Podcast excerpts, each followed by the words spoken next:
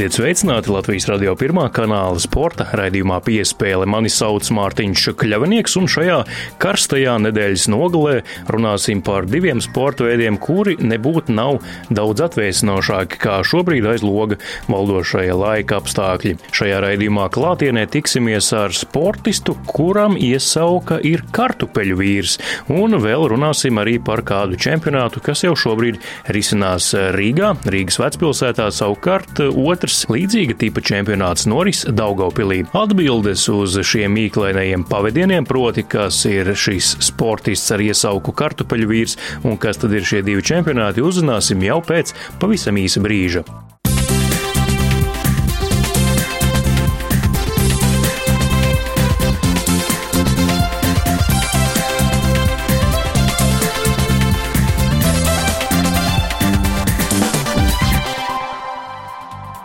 Vienas no populārākajām un prestižākajām sporta sacensībām pasaulē ir daudzdienu velobrauciens Tour de France. Tas ir viens no trim lielajiem velobraucieniem, kā tos dēvē, un proti vēl divi ir arī Vuelties Spāņa un Giro d'Itālija. Pirmo reizi šogad Tour de France velobraucienā debitēja arī Latvijas riteņbraucējs no Treka Segafredo komandas Cernikavietis Toms Skuiņš. Viņš savu debiju šajās trīs nedēļu ilgajās sacensībās aizvadīja lieliski, jo no 5. līdz 10 otrajam posmam ieguva Kalnu karaļa krekliņu, savukārt kopumā izcīnīja 82. vietu kopvērtējumā, kas varbūt arī nav tik izcils sasniegums toties, kādā no posmiem, proti 15. sasniedza labāko rezultātu Latvijas riteņbraucējiem kopš 2003. gada. Toms šajā posmā izcīnīja 5. vietu. Skuiņu gan riteņbraucēju, gan arī pasaules mediju aprindās pazīst kā ļoti omulīgu un žurnālistiem un sarunai atvērtu cilvēku. Nesenākā intervija tieši Tour de France laikā tapusi runājot par uzminiet, nu, kartupeļiem. Jā, par kartupeļiem, kas esot Toma mīļākais ēdiens. To jau zina gan viņa komandas biedri, gan arī daudzi žurnālisti. Tomēr tāpēc, ka Tomam tik ļoti garšo kartupeļi, viņš iesaukts par kartupeļu vīru. Tad no ar kartupeļu vīru Tomu Skuiņu tiekamies arī raidījuma piespēle turpinājumā. Latvijas radio sporta raidījums piespēlē īsi pirms eh, došanās tālākā ceļā ir noķēris eh, Tour de France šīs eh, sezonas debitantu Toms Kuiņu, kurš ļoti labi sev šajā velobraucienā parādīja. Sveiks, Tom! Labdien! Tieši tāpēc arī mēs esam tevi notvēruši un sarunāsimies ar tevi turpmākās raidījuma minūtes, ka lieliska debīta tūrē. Kā tu pats vērtētu? Nu, skaitliski mēs varam pateikt radio klausītājiem 82. vieta kopvērtējumā, bet tas laikam nebija tas galvenais. Gan tas Kalnu karaļa krekliņa mm, noturēšana kādu laiku, iegūšana, noturēšana, arī lieliska palīdzība komandas biedram, tāpat arī 5. vieta 15. posmā. Nu, tas viss kopā veido ļoti labu debiju? Nē, es pilnīgi piekrītu. Gan komanda bija ļoti apmierināta ar visas komandas sniegumu, un, protams, arī manu. Un, arī pats esmu, protams, ļoti apmierināts ar to, kā kāds iegriezies. Un, pirms tūres Noteikti es nebūtu prognozējis, ka arī kādas piecas dienas man būtu izdevies padzīvoties Kalnu karaļa kreklā. Kas bija tās tavas iekšējās priekšnojautas tieši pirms tūres? Nu, ko tu vēlētos izdarīt, ko tu varētu izdarīt, ap, saprotot savu reālo sportisko formu un varējumu? Nē, nu, skaidrs bija tas, ka pirmkārt galvenais uzdevums bija palīdzēt komandas līderiem, kur mums bija reāli divi. Džona Degenkolps un, uh, un Bauka Molema. Uh, Bauka cīnījās par uh, kopvērtējumu, Un Džons uh, vairāk sprintos mēģināja cīnīties. Tas bija, protams, mans galvenais uzdevums, kādēļ komanda man bija paņēmusi uz Tour de France. Bet, uh, protams, arī jau pašam nedaudz bija arī zināms, ka komanda ļaus šādi tad, uh, iesaistīties atrāvienos un pamēģināt no tiem uh, parādīt rezultātu. Ja es uh, būtu varējis kaut vai vienā no posmiem sasniegt uh, top 10 rezultātu, tas jau būtu gandarījums pašam.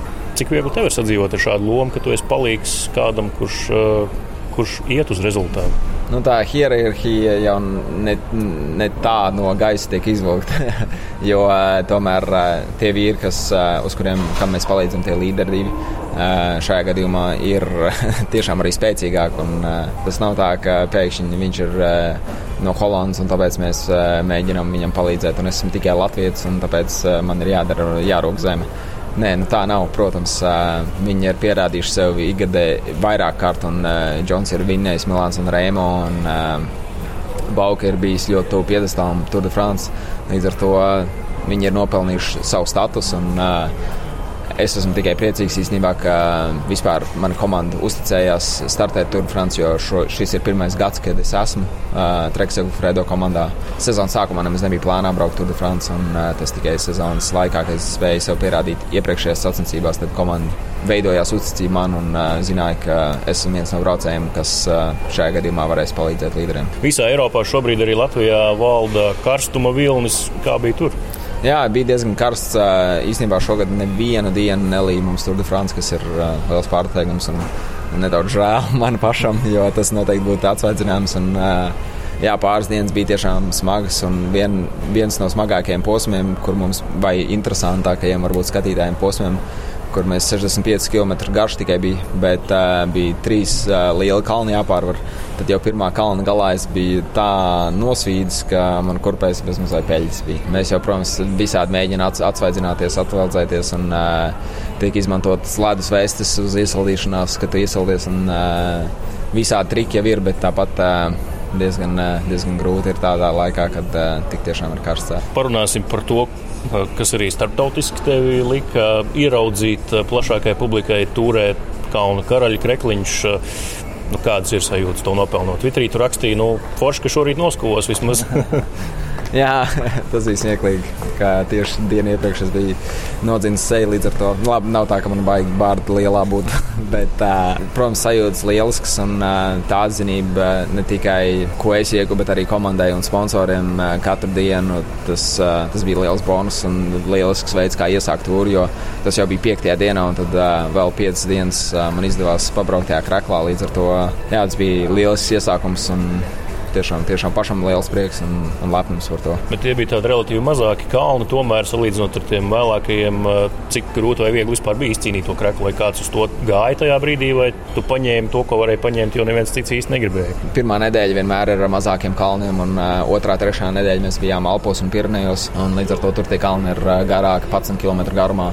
Un tie, tās pirmās nedēļas kalna varbūt maksimālais bija 2-3 km, kas priekš Latvijas būtu tāpat ļoti daudz. Katru dienu gan jā, cīnījās vīri par kalnu karaļa krēklu, un piektajā posmā es iesaistījos. Uh, atrāvienā jau no sākuma, pašas dienas sākuma. Bija, man liekas, pieci kategorizēti kalni, ja nekļūdos. Un, uh, bija cīņa diezgan smaga un uh, diezgan liela. Un jau pirmos trīs kategorizētos kalnus paņēma viens cits braucējs, un es nedabūju nevienu punktu. Bet uh, nākamie divi bija augstākas kategorijas kalni, tātad smagāki. Un uh, tos abus vinnēju, jo tas uh, bija vienādā punktu skaitā ar viņu. Un līdz ar to tā, tādēļ, ka viņi bija augstākas kategorijas uh, kalni, tad, uh, tad man tika iedots krāklis. Cik uh īpašs tas tev ir. Tas mirklis, joprojām atceroties, kad tu to krēklu uzvelc mugurā. Tas ir kaut kas nu, tāds.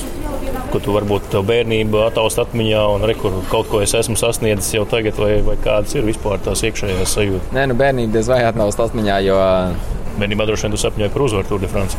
Nē, mm, tieši, tieši tāpēc es saku, ka bērnība neataust atmiņā, jo Es uh, par Tour de France vispār bērnībā nesapņoju. Es profesionālajai riteņbraukšanai sāku sekot tikai jā, varbūt 18 gadu vecumā, uh, jo es tikai sāku nodarboties 15 gadu vecumā. Tas bija sākumā tīri tā, jautrības pēc ar draugiem pabraukāties. Un, uh, patrenēties. Tas nebija vairāk kā profesionāls mērķis. Jā, 18, 19 gados tad, tad tas vairāk es sāku koncentrēties uz to, ka jā, īstenībā tas ir kaut kas interesants, ko es varētu darīt, varbūt arī profesionāli un pelnīt ar to naudu. Protams, tās sajūtas ir lielisks, un uh, vislielākais gandarījums laikam ir par to, ka izd ir izdevies nedaudz arī savu vārdu ierakstīt vēsturē, jo tas bija pirmais, uh, pirmais tāda veida sasniegums Latvijai. Un cerams arī, ka tas, protams, ne tikai tas, ka es ierakstu savu vārdu vēsturē, bet ka tas Latvijā riteņbraukšanai cilvēkiem, kas varbūt vēl nebrauc ar riteni, būs neliela motivācija vairāk izkustēties, un ne jau tikai riteni, bet vienkārši tiešām izkustēties un aktīvi sportot, jo redz, ka mēs varam no mazas valsts, kur mums kalna nav, tomēr dabūt pasaules lielākajās, ikgadējās lielākajās sacensībās vienu no prestižākajiem krekliem. Noteikti gan mans vārds, gan arī Latvijas vārds izskanēja visās pasaules malās, jo Tour de France ir tik tiešām ikgadējais lielākais sporta notikums. Tikai Olimpiskās spēles un pasaules kausa futbolā, es domāju, to pārspēju, bet tas ir tikai reizes četros gados. Kas tev ir uh, personīgi svarīgāk? Tas, ka tur ir rakstīts Toms Skuiņš, konkrēti tavs uzvārds. Uh, ka tevi zina vairāk, vai tomēr tur ir tas sarkanbalts, sarkanais karoks, un uh, tu popularizē arī valsts. Tev ir tāda misijas apziņa, varbūt vairāk nekā pašam kaut kur sevi, savu uzvārdu daudzināt, popularizēt? Es neesmu varbūt cilvēks, kas ļoti tiecās pēc slavas, bet jā, kad Latvijas vārdu es redzu uzrakstīt, vai tas būtu manu sasniegumu dēļ, vai Neilanda, kas arī ir viens no mūsu labākajiem riteņbraucējiem, Latvijas čempions šobrīd grupas braucienā, kas brauc Giro d'Itālija, kas arī ir trīs nedēļu garš velobrauciens, bet nevis pa Franciju, bet pa Itāliju. Viņš arī tur nes Latvijas vārdu, un Milāns un Rēmo viņš ļoti labi brauc. Un, Nav, nav, man tas nav svarīgi, vai tas būtu skuļņš vai neilons. Tāpat ir prieks redzēt to sarkanu balstu sarkanu pasaules ekrānos. Nu, kā tu atceries to savu piekto vietu, kur tu pats izcīnīji? Tas tomēr bija tāds gandarījums dvēselē, laikam, priekš sevis. Tā egoistiski, bet patīkami. Nē, noteikti bija, bija liels prieks, jo tas nebija vieglākais posms. Un, uh, tomēr mēs braucām, uzbraucām neilgi pirms finiša 40 km. Man liekas, bija kalns, kas bija ap 8 km garš. Mums vairāk kā 30 minūtes nācās uzbraukt kalnā augšā. Es pierādīju sev un komandai, ka arī tādos posmos es uh, varu sasniegt pats arī rezultātu. Posma laikā bija norādījumi no komandas, vai tomēr jau pirms posma teica, Tom, šodien tu drīkst izpausties? Jā, jā, mēs jau lēnām jau pāris dienas pirms plānojām to. Un, no, katru dienu no rīta mums ir neliels apelsīns par to, kāds ir dienas posms, no kuras puses pūš vējš, kādas ir iespējamās taktikas šodien, ko mēs vēlamies izdarīt tajā posmā. Un, jā, viens no uzdevumiem bija mēģināt iesaistīties atrāvienā ne tikai man, bet mēs bijām kopā trietā atrāvienā no komandas. Un, vēl tur bija ap 20 cilvēkiem. Teiksim. Šis arī ir labākais sasniegums no latviešiem kopš 2003. gada kārtā no tūres posmiem. Par to arī sev var godam, var godam uzsist uz pleca. Kāds ir savs atlikums pēc šī, šī, šī posma? Nu, Skaidrs, ka komanda tev novērtē vairāk, pasaule tevi un komandu, un arī Latvija zina vairāk. Vai arī Latvijā, nu, nezinu, lielveikalā vai uz ielas tev nāk klāt vairāk nekā pirms tam?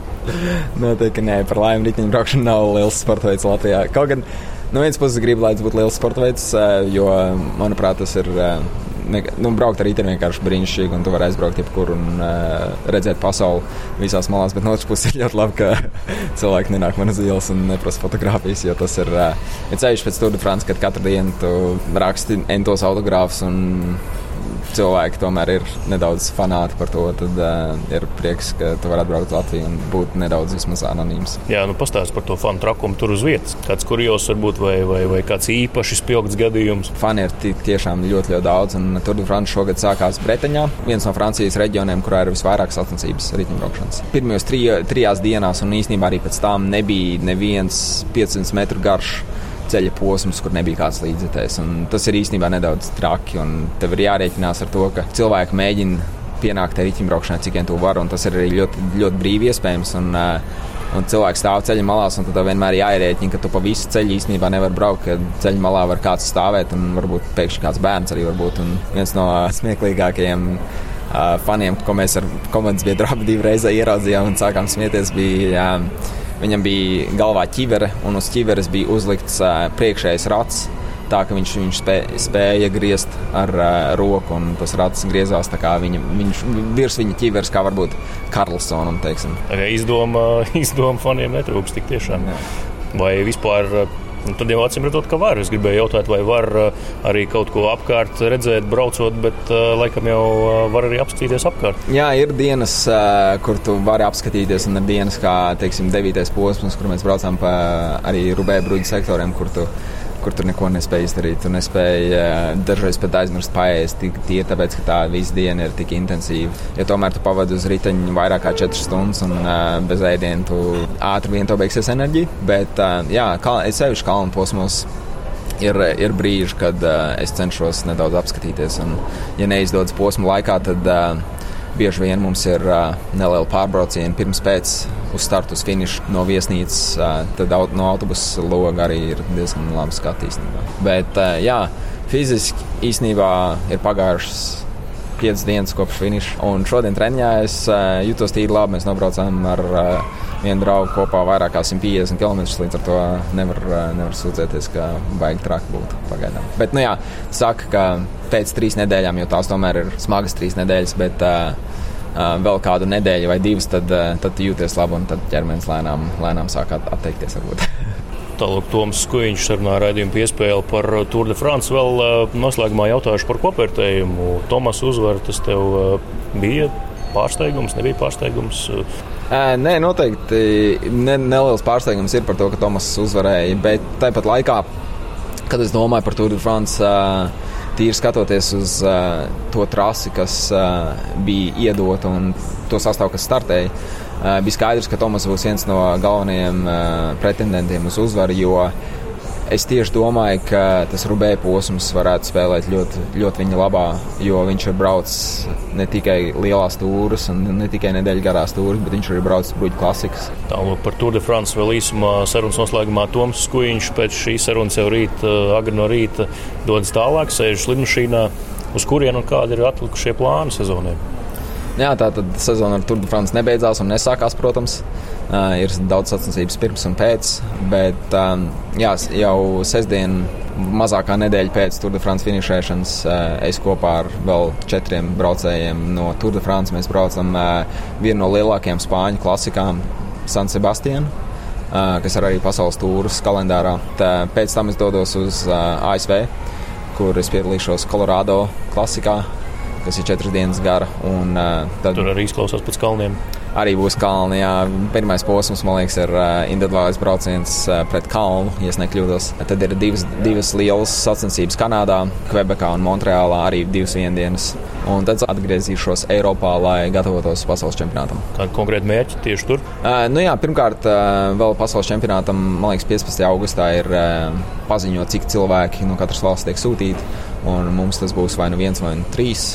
Jā, labprāt, braukt grupas braucienu, bet uh, Tāpat laikā, ja tā nebūs iespēja braukt grupas braucienu, tad individuāli braucienu, es domāju, man noteikti ļaus braukt uh, izlase.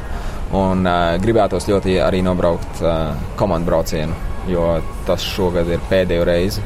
Bet komandu brauciens ir uh, ar uh, nevis valsts vienībām, bet uh, ar profesionālām komandām. Tom, paldies tev par uh, lieliskajām emocijām, ko tu sagādāji tūras laikā. Droši vien sagādās arī vēl šo sezonu, tad, lai veicas arī pasaules čempionātā, arī viens dienas velobraucienos, kuros plāno piedalīties. Nu, tad jau tiksimies kādā citā sarunā, kādu citu reizi, kad atkal tavs un arī Latvijas vārds, kā jau mēs noskaidrojām, kas uh, tev pat ir svarīgāk, ir būs izskanējis skaļi pasaulē. Pateicoties tev, paldies! Tev. Zēnāts, paldies! Pēc labi nobrauktiem mačiem un tieši no radio, no radio sporta raidījumiem. Tie ir tie pirmie cilvēki, kurus ar maniem runā. Varbūt es esmu sākusi arī sevi kā basketbolistu novērtēt vairāk. Turpina skanēt sporta raidījums piespēle. Mani sauc Mārtiņš Kļavinieks, un raidījuma turpinājumā runāsim par orientēšanās sportu. Iespējams, ka tieši šodien, pastaigājoties pa vecrīgas ieliņām, ievērojāt ļoti neierasti steidzīgus cilvēkus sportiskā apģērbā. Tas tāpēc, ka daļa no pasaules čempionāta orientēšanās sportā notika vecrīgas ielās. Tas ir pirmreizēji, ka pasaules čempionāta kāds no etapiem notiek kādas valsts galvaspilsētas ielās. Pasaules čempionāta pirmajā dienā sportisti sacentās vecrīgas šaurajās ieliņās, savukārt otrajā dienā pārcēlās uz Āgens kalnu. Pēc tam čempionāts turpināsies arī Siguldā un Turaidā. Vienlaicīgi ar pasaules čempionātu orientēšanās sportā Latvijā notiek arī pasaules čempionāts taku orientēšanās sportā. Kā šie divi sporta veidi atšķiras savā starpā un ko tad varēsim redzēt Daugavpilī, to Latvijas radio sporta raidījumam piespēle pastāstīja viens no pasaules pasaules čempionāta taku orientēšanās sportā rīkotājiem Latvijā. Liels notikums gaida Latviju augusta sākumā, gan uh, orientēšanās pasaules čempionāts, gan tāku orientēšanās pasaules čempionāts. Uh, tāpēc jautāšu uh, tāku orientēšanās pasaules čempionātam vienam no rīkotājiem, Jānim Rukšanam, kas tad īsti Daugopilī notiks, un varbūt radioklausītājiem vispirms īsi atšķirības starp orientēšanos un tāku orientēšanos. Tad, jā, orientēšanās sports ir, uh, jā, cilvēki skrien pa mežu parasti pēdējā laikā, gan arī pa pilsētu, kā mēs redzēsim Rīgā. Tas ietver sevi kartes lasīšanu un tajā skaitā fizisko sagatavotību, skriešanu. Tad tā orientēšanās sporta veids ir pieejams arī cilvēkiem, piemēram, ratiņkrēsls vai cilvēkiem ar citādi veidu kustību traucējumiem. Tas pārbauda sportistu spēju pre, ļoti precīzi lasīt karti. Tad tā orientēšanās dalībnieks jau zina, ka ir kontrolpunkti, bet kontrolpunkti vietā ir vairāk, ja jūs varbūt zinat, sarkanas, baltās prizmas orientēšanās, lukturi, kā mēs viņus saucam. Ja parasti skrien pa mežu un tu redzi, ka tu ir viens, teiksim, lukturis, un bieži vien pat ir tā, ka tu skrien un nonāc punktu tuvumā. Un tu jau ar acīm instinktīvi sāc meklēt, kur ir tas viens lukturis, kur tu meklē. Tad tā orientēšanās tas ir tā, ka tev tur ir teiksim, divi, vai trīs, vai četri lukturi, vai pieci lukturi. Un tev ir jā, jāvar pateikt, kurš ir tas īstais tāds. Tas varbūt nav tik ļoti jā, uz ātrumu, jo tomēr visas distances ir jābūt pieejamām cilvēkiem ratiņkrēslos. Cik liels izaicinājums distanču veidotājiem bija tieši Daugopils, Daugopils loģistika, plānojums un vispārējais? Es teikšu, ka Daugopils ir diezgan piemērota vieta šādām sacensībām.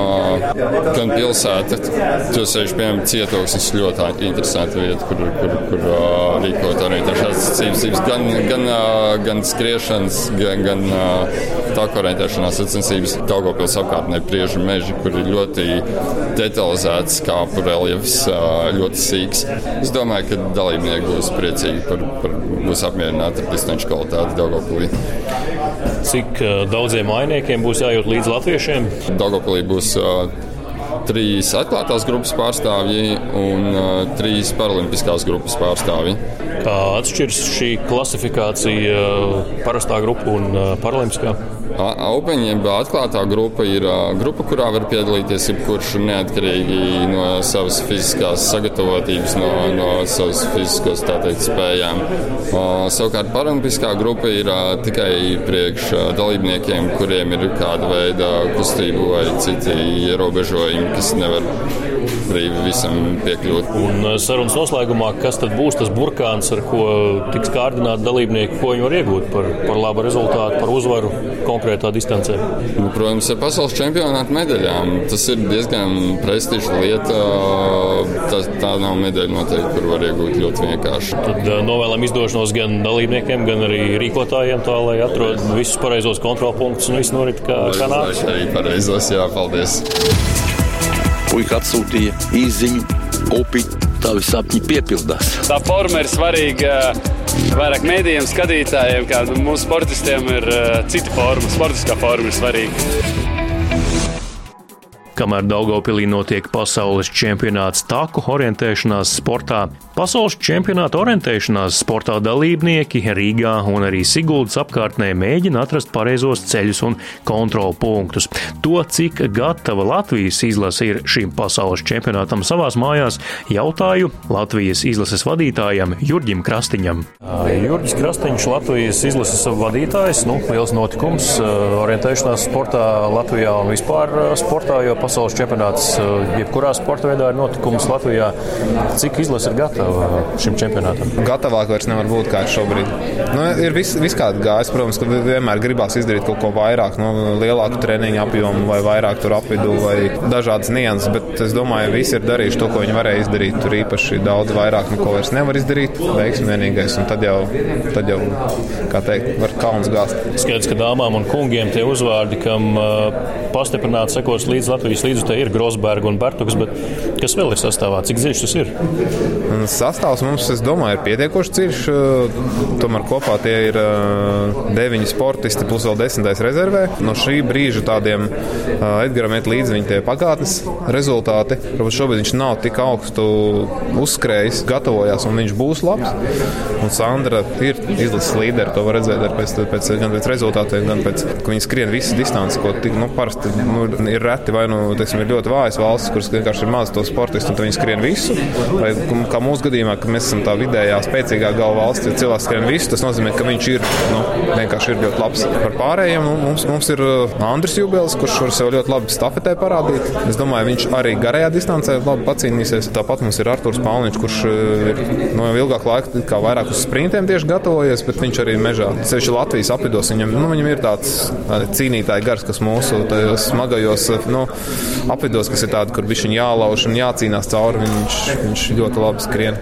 Tāpat mums ir Inga Dāmba, kur ir no, ļoti pieredzējusi. Kā notika tieši atlase izlases sportistiem, kuri startēs Latvijā pasaules čempionātā un kur tomēr varbūt ir tuvu tam, bet tomēr paliks aiz borta. Kā, kā izvēlējāties? Lēmums bija tāds, ka čempionātā Latvijā skrien tie, kas tajā brīdī ir spēcīgākie. Un neskatoties to, kā tev varbūt ir tu skrēji pirms gada, vai kā tu varētu skriet pēc gada, bet tie, kas šajā brīdī ir stiprākie. Lai to noteikti mēs skatījāmies gan to, kā sportisti ir skrējuši augstu līmeņa sacensībās pēdējos gadus. Tas ir pasaules čempionāts, pasaules kausa, Eiropas čempionāts. Skatījāmies arī, kā iet tīri ar treniņu plāniem. Tāpat mums bija tādas pārbaudas sacensības, kur mēs paskatījāmies uz to tīru tekošo brīdi, kā cilvēki, kā cilvēki skrien. Iepriekš teicāt to par, par māmas gurķiem, kas sazināties vai ņemt līdzi vai neņemt līdzi. Tad sanāk, ka Latvijas izlase ir tāda viena liela ģimene. Mikroklimats ir pietiekami labs. Jā, mēs īstenībā tā to arī, nu, tie gan ir apstākļi, gan arī, kas to veido, gan arī nu, tāda tradīcija mums izveidojusies līdz ar to. Ja mēs arī citos pasaules čempionātos jau nezinu, gadus, cik es ar izlasi strādāju, gadus sešus, mēs tā arī darām. Mums ir kopēja dzīvošana, kurā mēs kopēji arī paši kaut ko gatavojam ēst. Un, un, tas ir tā, tā ģimenes, visi viens otru zina. Protams, ir jābūt tā, ka tā gulēšana tāda, ka nu, nav tā, ka visi guļ vienā milzīgā guļamistā. Ir ļoti svarīgi tā, tā individuālais komforts, tev šeit bija tā iespēja sanākt kopā un aprunāties, un, kā tad iet, ko tu darīji. Tu... Kas būs lielākais izaicinājums pasaules čempionātā Latvijā tieši sportistiem? Nu, nezinu, varbūt brūģis vecerīgā. Es domāju, ka brūģis nebūs izaicinājums. Viena no lietām, kas, kas būs savādāk nekā ar citus čempionātus, ir tas, ka čempionāts notiek mājās. Līdz ar to arī tie cilvēki, kas strādā organizatoru komandā, ir nu, no, no, no Latvijas. Nu, bieži vien pazīstami tev cilvēki. Bet ārzemēs stāvi tajā priekšstartā vai karantīnā, kur tu gatavojies, nu, tie ir tev sveši cilvēki riņķī. Nu, tāda pastiprināta uzmanība, kas, kas ir mazliet neierasta, jo tam nevar sagatavoties. Nu, tā nav bijis. Nu, labi, pagājušajā gadā mēs paskrējām pasaules kausu Latvijā, kur jau varēja sajust tos, tā, tās nianses, bet tas ir tas, ko mēs neesam. Nu, tā. Un es domāju, ka tas nākošais mēs redzēsim pēc šī čempionāta, kad būs vēl lielāka tā publicitāte, vēl vairāk cilvēku būs to redzējuši. Es ceru, ka mums arī būs veiksmi sabiedrotā un ar tie rezultāti būs tādi, lai cilvēkiem to uzmanību piesaistītu un pamudina. Līdzīgi jau bija, kad mums bija Eiropas vicečempions Mārtiņš Sirmais divas, divas reizes, 6. un 8. gadā, ja nemaldos. Uh, tad arī varēja just, kad ir tā pastiprināta interese uzreiz gan par sporta veidu, gan, gan no dalībnieku, gan arī tīri no, no, no tā ar, ar sportu nesaistītu cilvēku puses. Teiksim, paldies jums par šo sarunu, paldies par darbu ar izlasi, kas līdz šim padarīts un gaidām labus rezultātus arī pasaules čempionātā Latvijā. Paldies! Viņš bija tāds motivators, ka es arī gribu būt tur, kur ir viņš un darīt to, ko viņš dara. Visiem spēlētājiem mēs ticam, gaidām, un, un vēl nekas nav beidzies. Vismaz viena spēle mums noteikti. Jā. Sporta raidījums piespēle ar to arī šoreiz izskan. To vadīju es, Mārtiņš Kļavnieks, par labskaņu parūpējās Miķelis Putniņš uz sadzirdēšanos jau kādā no nākamajām reizēm.